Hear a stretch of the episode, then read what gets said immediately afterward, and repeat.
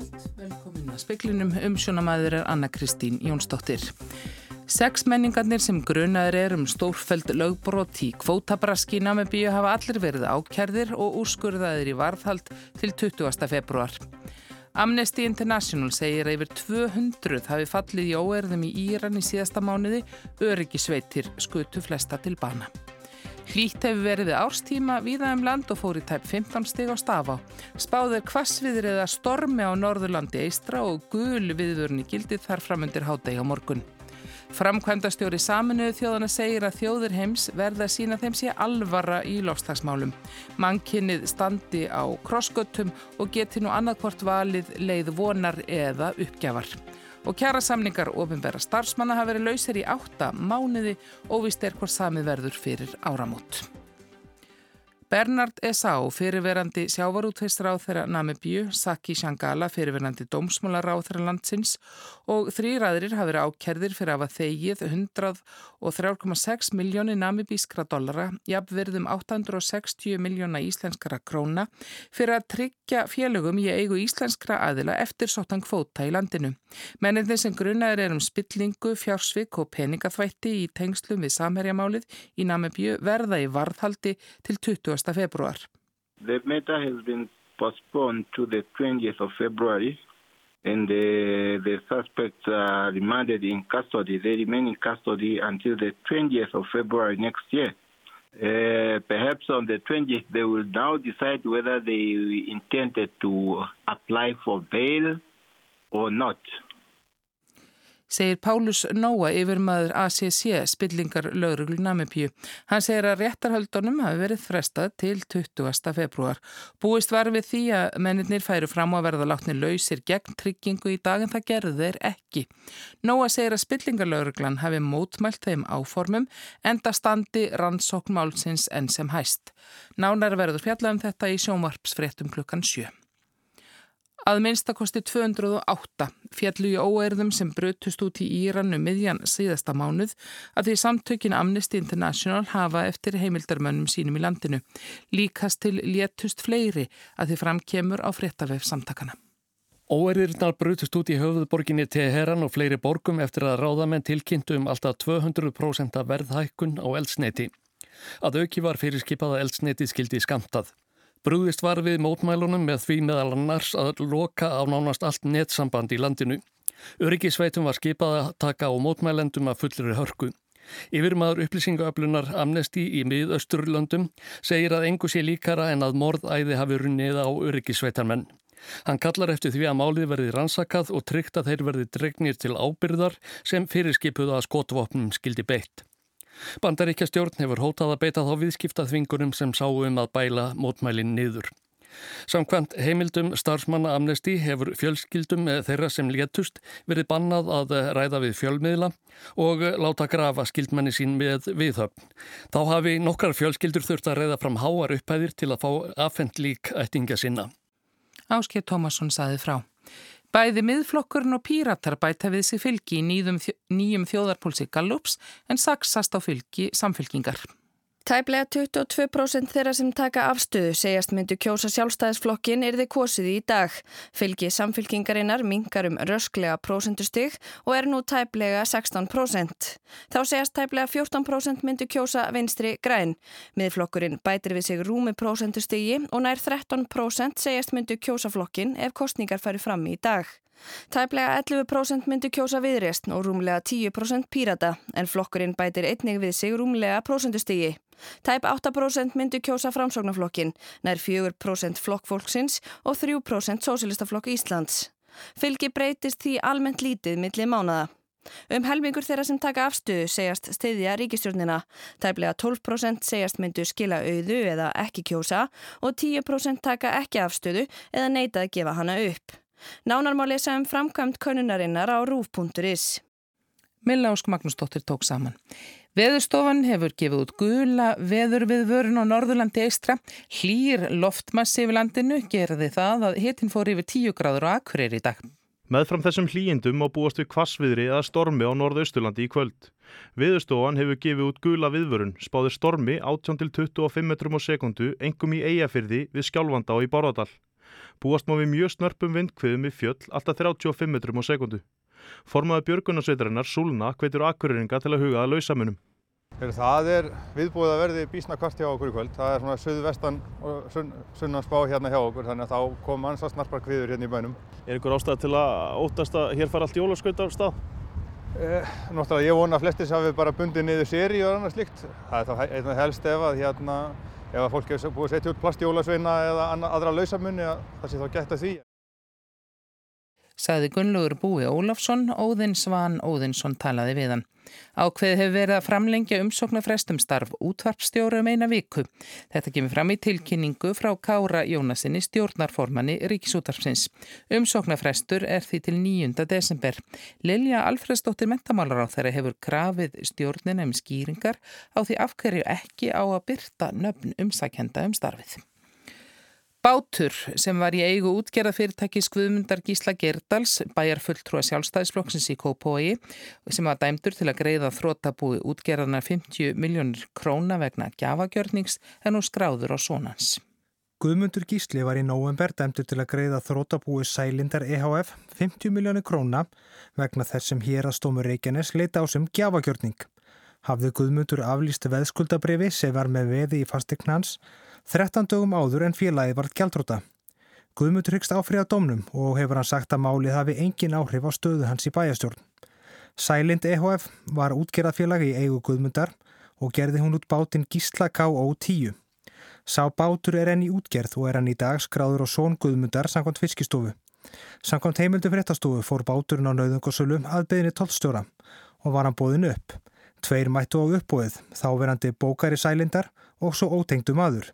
Sá síðan nefndi bauð með herra, en svo verðið sem báturinn hafi verið seldur aftur til fjölskyldunar eftir uppbóðið. Í dónum gerir skiptastjóri verulegar aðtóðasemdir við bókald fyrirtækisins. Til að mynda hafi það aldrei átt að verða gjaldtróta því ásreikningar félagsins hafi sínt veldu fjármunni upp á 136 miljónir í áslokk 2016. Eignir hafi því átt að vera tölverð herri en skuldir. Eigendur hafi hins vegar sagt engar eignir í félaginu. Þá hafi verulegar breytingar verið gerðar í bókaldi fyrirtækisins eftir að ríkiskatsjóri tók ásreikninga þess til skoðunar. Magnús Geir Ejjólfsson sagði frá. Katrín Jakobsdóttir forsættisráð þeirra ætlar að ræða við formen allra flokka og þingi í lokþingvetrar um hvernar næstu þingkostningar verða. Það er síðustu voru í oktober árið 2017. Það var annað árið í rauð sem kosið var að hausti, venjan hefur verið svo að kosið er að vori. Það sem kosið var að hausti gafst skemmri tími en alla jafna til að afgreða fjárlög. Ofan flóðasjóður átti í lok síðast árs 13,6 miljardar króna í eigið fjö. Ekki er hægt að nýta peningana til að reysa varnargarða því þeir liggi ekki á lausu. Tekjur sjóðsins renna í ríkisjóð. Gaggrínt hefur verið að ofanflóðasjóður nýti ekki allt ofanflóða gjald frá húsegendum og framkvæmdir á vegum sjóðsins gangi of hægt. Gjaldið er innheimt með brunatryggingu og er 0,03% af vátryggingarverðmæti húsa. Eigandi hús með 40 miljóna króna brunabótamatt borgar því 12.000 krónur á ári í ofanflóðasjóð. Samkvæmt upplýsingum frá umhverfisraðuneytinu rennur gjaldið sem húsígandur greiða ekki beint í ofanflóðasjóð, heldur í ríkisjóð og líka allar vaksta tekjur af handbæru fjö sjóðsins. Samkvæmt ársreikningi er upphæðin bókfærð á reikningi Sæðlabanka Íslands. Þrátt fyrir að hrein eign ofanflóðasjós sé mikil þá eru rekstur hans og framkvæmdir við ofanflóðamannvirki háð fjárveitingum frá alþingi sem skamtar honum fjö. Ráðuneytið segir að þetta mikla bókfærða eigið fjö, 13,6 miljardar, hafi sapnast upp vegna þess að ofanflóðagjaldið er herra en svo upphæð sem alþingi hefur skamtað til framkvæmda á undanförnum árum. Þá nýtti sjóðurinn ekki alla fjárheimild sína í fyrra. Tekjur ofanflóðasjóðs í fyrra voru 2,5 miljardar.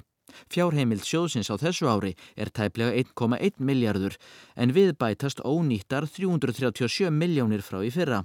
Ofanflóðasjóður vinur nú að snjóflóðavörnum fyrir ofan Nesköpstað. Rúnar Snær Reynisson saði frá. Meiri hluti bæjarstjórnar og Seltjarnesi lýsir fullu trausti til skólastjórnenda og kennara við grunnskóla Seltjarnes og ánægju með skólastarfi til fjölda ára. Í yfirlýsingum frá sjálfstæðisfloknum segist meiri hlutin harmastöðuna sem upp sé komin. Fréttastofa hefur reyndan á tali af áskerði Haldorstótt bæjarstjórn og Seltjarnesi frá því á föstu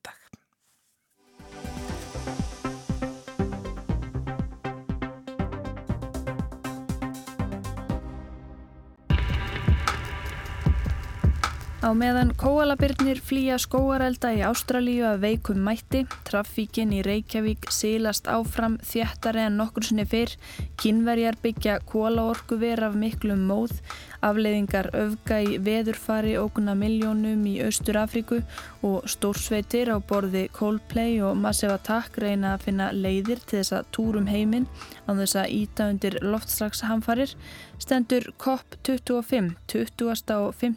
loftslagsráðstefna saminuðu þjóðana yfir í Madrid, höfuborg Spánar. Ráðstefnan var sett í morgun, þáttakendurnir skipta þúsundum og þeirra býða erfið verkefni.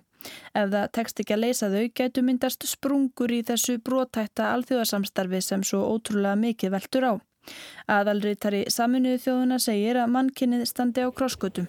Distinguished delegates Lofslagsráðstefnan er árlegur viðburður. Þrjár konur stýrenni að þessu sinni, Teresa Ribera, ráð þeirra umhverfismál á Spáni, Fórseti ráðstefnunar Karolína Smith, umhverfisráðara Tíle og leiðtogi lofslagsskrifstofu saminuðu þjóðana Patricia Espinosa. Í fyrra var ráðstefnan haldin í kólaborginni Katowice í söður hluta Pólans. Þar tókst sendifulltrúum eftir erfiðar viðræður að koma sér saman um vinnureglur í kringum parsasamkvunleið. Hvernig skildi fylgjaði eftir og halda utanum árangurinn af aðgerðum, nú eða skorta á honum. Það má kannski segja að ráðstefnan í ár snúist um tvent. Í fyrsta lagi að klára þessa reglubók, það tókst ekki að semja um allt í Katowice, Þáttakendur í Madrid þurfa að semja um grein nr. 6 sem að lítur aðalega því að koma upp viðskiptakerfi með losunarheimildir þar sem að þau ríki sem standa sig vel í því að dragu losun geta selt öðrum sem ekki standa sig jafnvel losunarheimildir. Í öðru lagi þá er ráðstefnan einhvers konar upptaktur að ráðstefnun á næsta ári, vítamins spröyta sem að hvetja á ríki heims til að endur skoða markmiðin og taka á vandanum í alvörunni. Á næsta ári eiga sendinemdi nefnilega að koma til Glasgow með uppfærð markmið, markmið sem að duga ekki skamt eins og nú heldur duga, punktur. The COP25 must convey to the world a firm determination to change course. Antonio Guterres, aðalrittari saminuðu þjóðana, segir mikilvægt að þjóðir heims síni að þeim sé alvara, að þær hafi þann pólitíska vilja sem tilþarf til að ná kólefnis hlutleysi fyrir árið 2050. Það er komin tími til að gripa til aðgerða. Time for Action. Yfirskrift ráðstefnunar í ári er kunnuleg en kannski lástemt með við þann tón sem hvað við í ræðu Guterres á setningar aðtöfnun í morgun. Með við skýrslur sem sína afleðingar lostasbreytinga eru alvarlegri en vísindamenn gerður áfyrir. Já og með við niðurstöður nýrar skýrslu umhverjastofnunar samniðu þjóðana sem sínir að bylið milli raunveruleikans og þeirra markmiða sem þjóður heims hafa sett sér er allt og breytt. Ef ríki heims standa við markmiðin sín í einu öllu sem er ekki líklegt er útlut fyrir að meðalhiti hækki um 3,2 gráður fyrir lok þessarar aldar. Sankant skýslunni þarf heimslosun að minka um 7,6% á ári næsta áratug. Síðastliðin áratug hefur hún verið að aukast um 1,5% á ári. Það þarf því uppeyju og viðsnúningurinn þarf að hefjast á næsta ári. By the end of the coming decade we will be on one of two paths. Guterres talaði í morgun um að það erði að stöðva stríðið gegn náttúrunni. Hann talaði um neyðar á stand og hann talaði um að mannkennið stæði á krosskutum. Það geti valið að gefast upp og stopna þannig öllum kynnslóðum í voða eða það geti valið leið aðgerða og vonar. Viljum við láta minnast okkar sem kynnslóðarinnar sem gróf höfuði í sandin á meðan jörðin brann, flaut sofandi að feið rósi, spurðan, eða viljum við láta minnast okkar sem kynnslóðarinnar sem gerði það sem þurfti, treyði kólefnislutleysi fyrir árið 2050 og let vera að hrópla við því jarðefna eldsneiti sem ennir ofan í jörðinni. Guterres talaði um misræmið milli markmiðan og veruleikans, víða um heim, rísin og kólaorkuver og þá þróun þurfum við að stöðva strax. Either we stop this addiction to coal or all our efforts to tackle climate change will be doomed. Annarkvört tökum við á kólafíkninni eða getum glemt því að gera eitthvað til að stemma stígu gegn loslasbreytingum. Þetta snúið samt ekki bara um kóla og ólíðinaðinn. Aðrir geirar rættu líka langt í land, samgöngur, matvælaframleysla, borgarskipulag, sementsiðnaðurinn. Víða hafi verið tekinn skref en það þurfi ekki skref heldur umbreytingar á nær öllum sviðum. Annars ógnum við lífinu sjálfuðasöku terras. What you need is not an incremental approach, but a transformational one. Guterres gleðst yfir því að 70 ríki hafi líst í yfir að þau hekist skerpa á markmiðum sínum fyrir ráðstöfnun á næsta ári. En hann segir að enn hafi G20 ríkin sem að losa um tvo þriðju hluta allra gróðursaloftegunda þó lagt lítið að mörgum. Hann vill að þeir sem mest menga taki sig á og að þeir beri kostnaðin að því að menga. Hann segir að grænt hagkerfi sé tækifæri, ekki ógn, en að hann sé orðin lang þreyttur á aðgerðarleysinu, sérstaklega í ljósi þess að lausnirnar séu flestar til. Upphaflega stóð til að ráðstefnan sem haldin er af UNFCCC skrifstofu rammasáttmála saminuðu þjóðunum loslasbreytingar færi fram í Brasilíu en fórseti landsins Herr Bolsonaro hætti við það. Ráðstöfnan var þó fær til Costa Rica en af efnaðs ástæðum reyndist ekki und að haldana þar. Þá var tekin ákvörðunum að haldana í Santiago, höfuborg Chile, en þar er krísu ástand og allt logandi mótmælum og því sá fórseti landsins Sebastián Peñera þér ekki annað fært en að hætta viðrúmum mánuði áður en ráðstöfnan átt að hefjast. COP25 var þó ekki lengi á rakhólum, nokkrum dögum síðar tóku stjórnvöld á spáni hana að sér.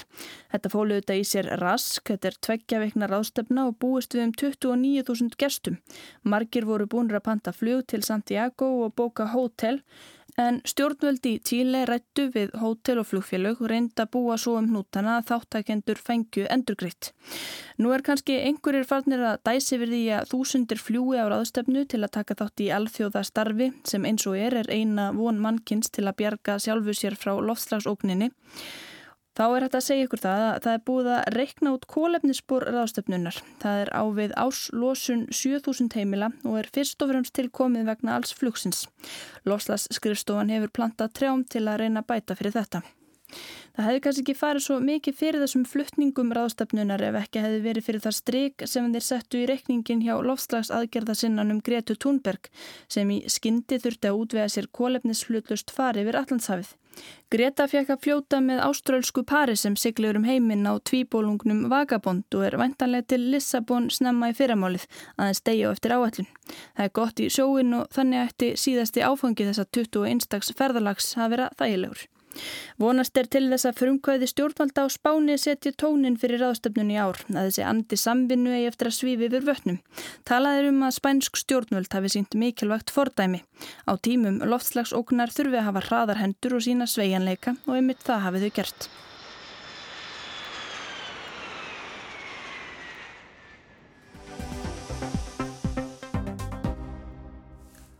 Þó að liðnir séu átta mánuður frá því að samningar ofinbera starfsmannurðu lausir sér ekki fyrir endan á samninga viðræðum og ekki er ólíklegt að þær standi fram yfir áramót.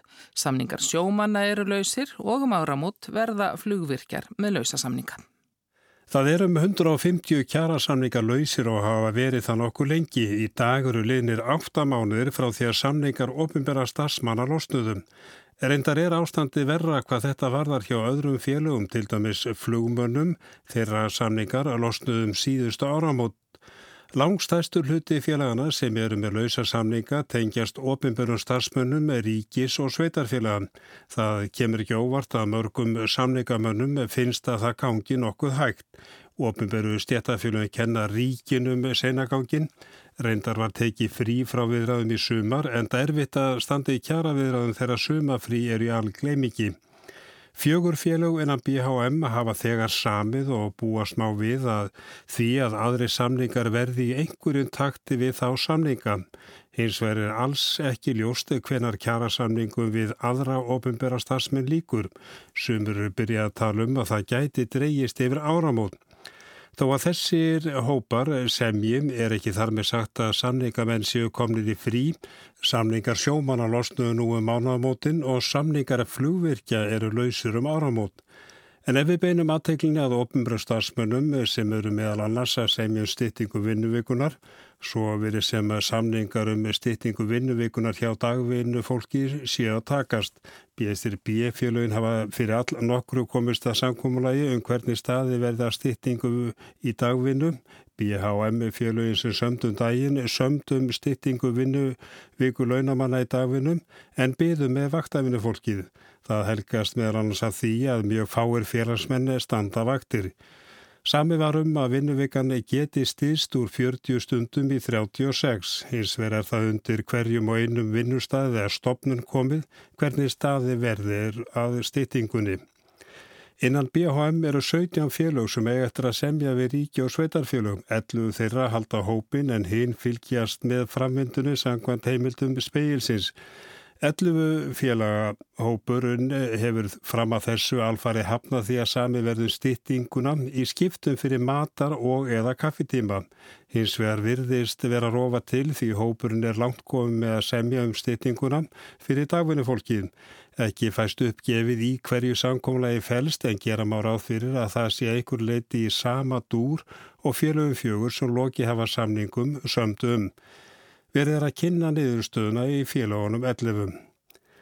Það hefur verið stefna ríkisins að ljúka samningum um styttinguna í dagvinni. Næst verið ráðist í að ná samningum við vaktafinu fólkið. Hópur sem í sátu fulltrúar stjættarfélagan og ríkisins gerðu skýslu um vaktafinna fyrir all nokkrum. Nú hefur verið endurveikið þennan hóp sem ávæntalega skila tillögum á næstunni. Í skýrslu sem hópurinn vann kom fram að það er einhver konur sem vinna vaktavinnum og það kemur ekki óvart. Með við stöðugildi meðal vaktavinnu fólks eru 76% konur og 24% eða fjórðungur karlar. Hlutvalla vaktavinn á landsspítalanum er 53%. Í ljósi starðar spítalans eru lang flesti sem vinna vaktavinnu þar eða um 3700.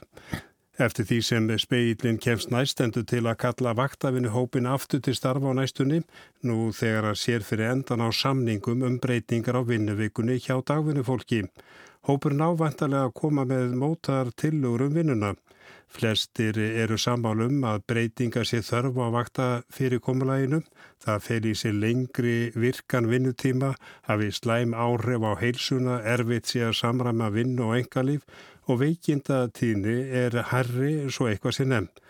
Vaktafinnihópurinn sem lagði í september fram hugmyndur um breytingar setti sér nokkur markmið. Efst á lista þar var að heildar vinnuskilda dag og vaktafinni fólks á ári fyrir fullstarf verði sambarileg. Varpað er fram ymsum hugmyndum um breytingar að vaktafinnu fólk vinni sér inn frítíma til dæmis og ávinnslan verði mest á næturvöktum og dreyi verður yfirvinnu og flóki er að fara nánar út í tillögunar eða þessar hugmyndir. Hins vegar á eftir að vinna þær og útfæra hvort það takist fyrir áramót er alls endis óvist því það á líka eftir að semja um launaliðin og þá líka eftir að semja um jöfnum launamilli markaða og ímislegt fleira.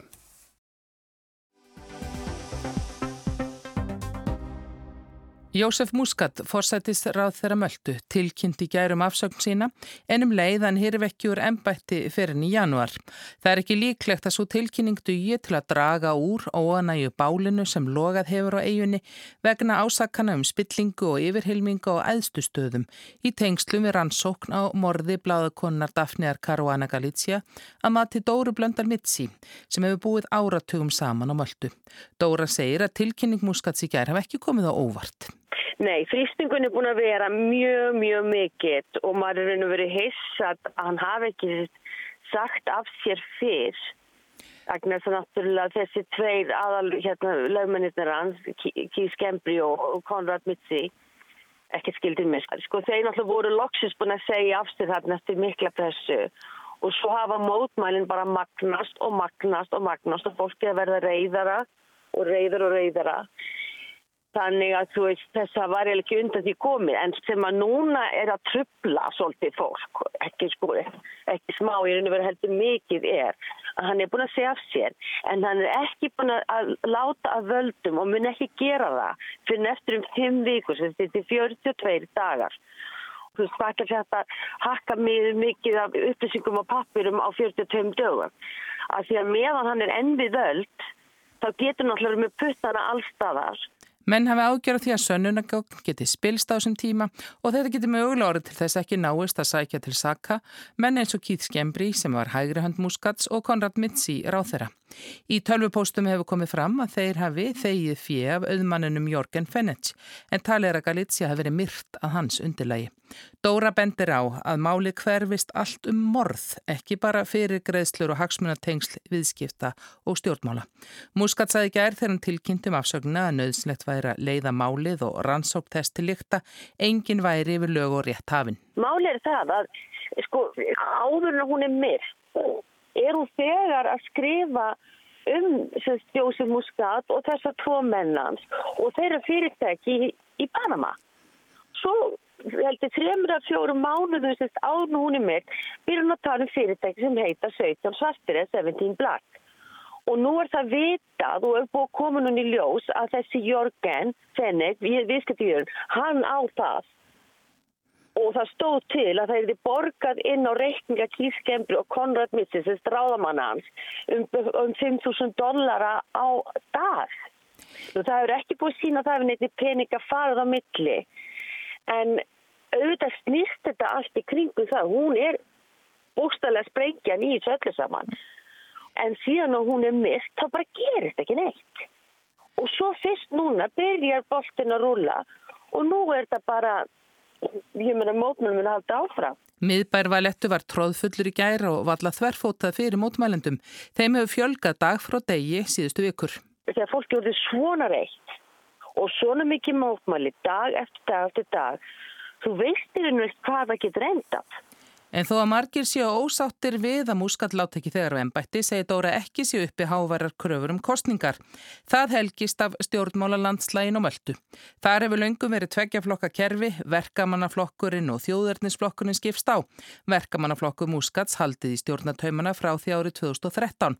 En þjóðverðnisflokkurinn hefur ekki verið laus við ásakanir um spillingu og innan hans hafi verið miklar deilur undanfarn misseri, segir Dóra. Hún segir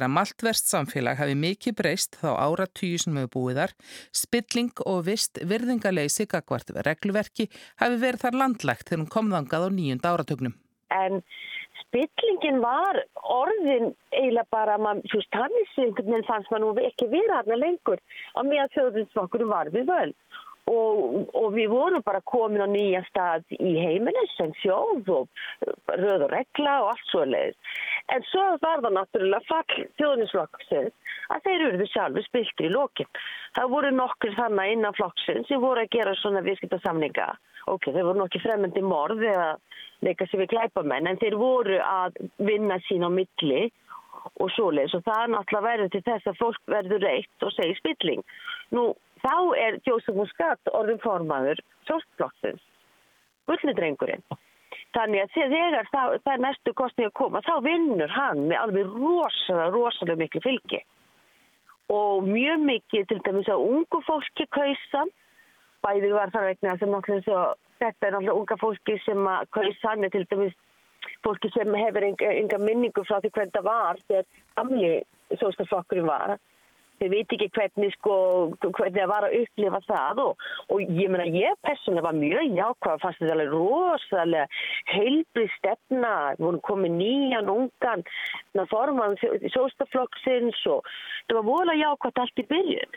En það bara leiðvolega stutt og þá allt í einu bara koma Panamari hérna, blöðun út og þá kemur þetta í ljós með þessar tvo nánustu menn hans og þeir eru með reikningana og ekkert gerist í því og svo er hún mist og síðan þá ég er til dæmis búin að missa algjörða trösti á lauruglinni í öllu því sem er búin að ganga á núna lauruglinni hefur aldrei komið og gefið til dæmis fréttaskýringur eins og með reglulegu millumili myndi vera gert.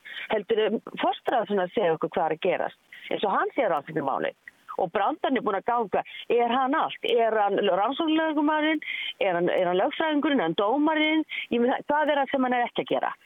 Veist, þannig að þetta er orðið rosalega rugglingslegt allt saman. Og svo rugglingslega staða verður upp eitthvað áfram segir Dóra, ekki síst á meðan Muscat situr enn á ráþurastóli hún býst enn við mótmælum næstu daga Og veðurhorfur eru þær að það verður kvöss sunna nátt með rigningu og hlýju veðri snýst í suðu vestanátt með kólnandi veðri undir kvöld á morgun. Og veðurstofan tekur sérstaklega til þess að útlitt er fyrir vestan 18 til 23 í meðalvind og fari yfir 30 metra í kviðum.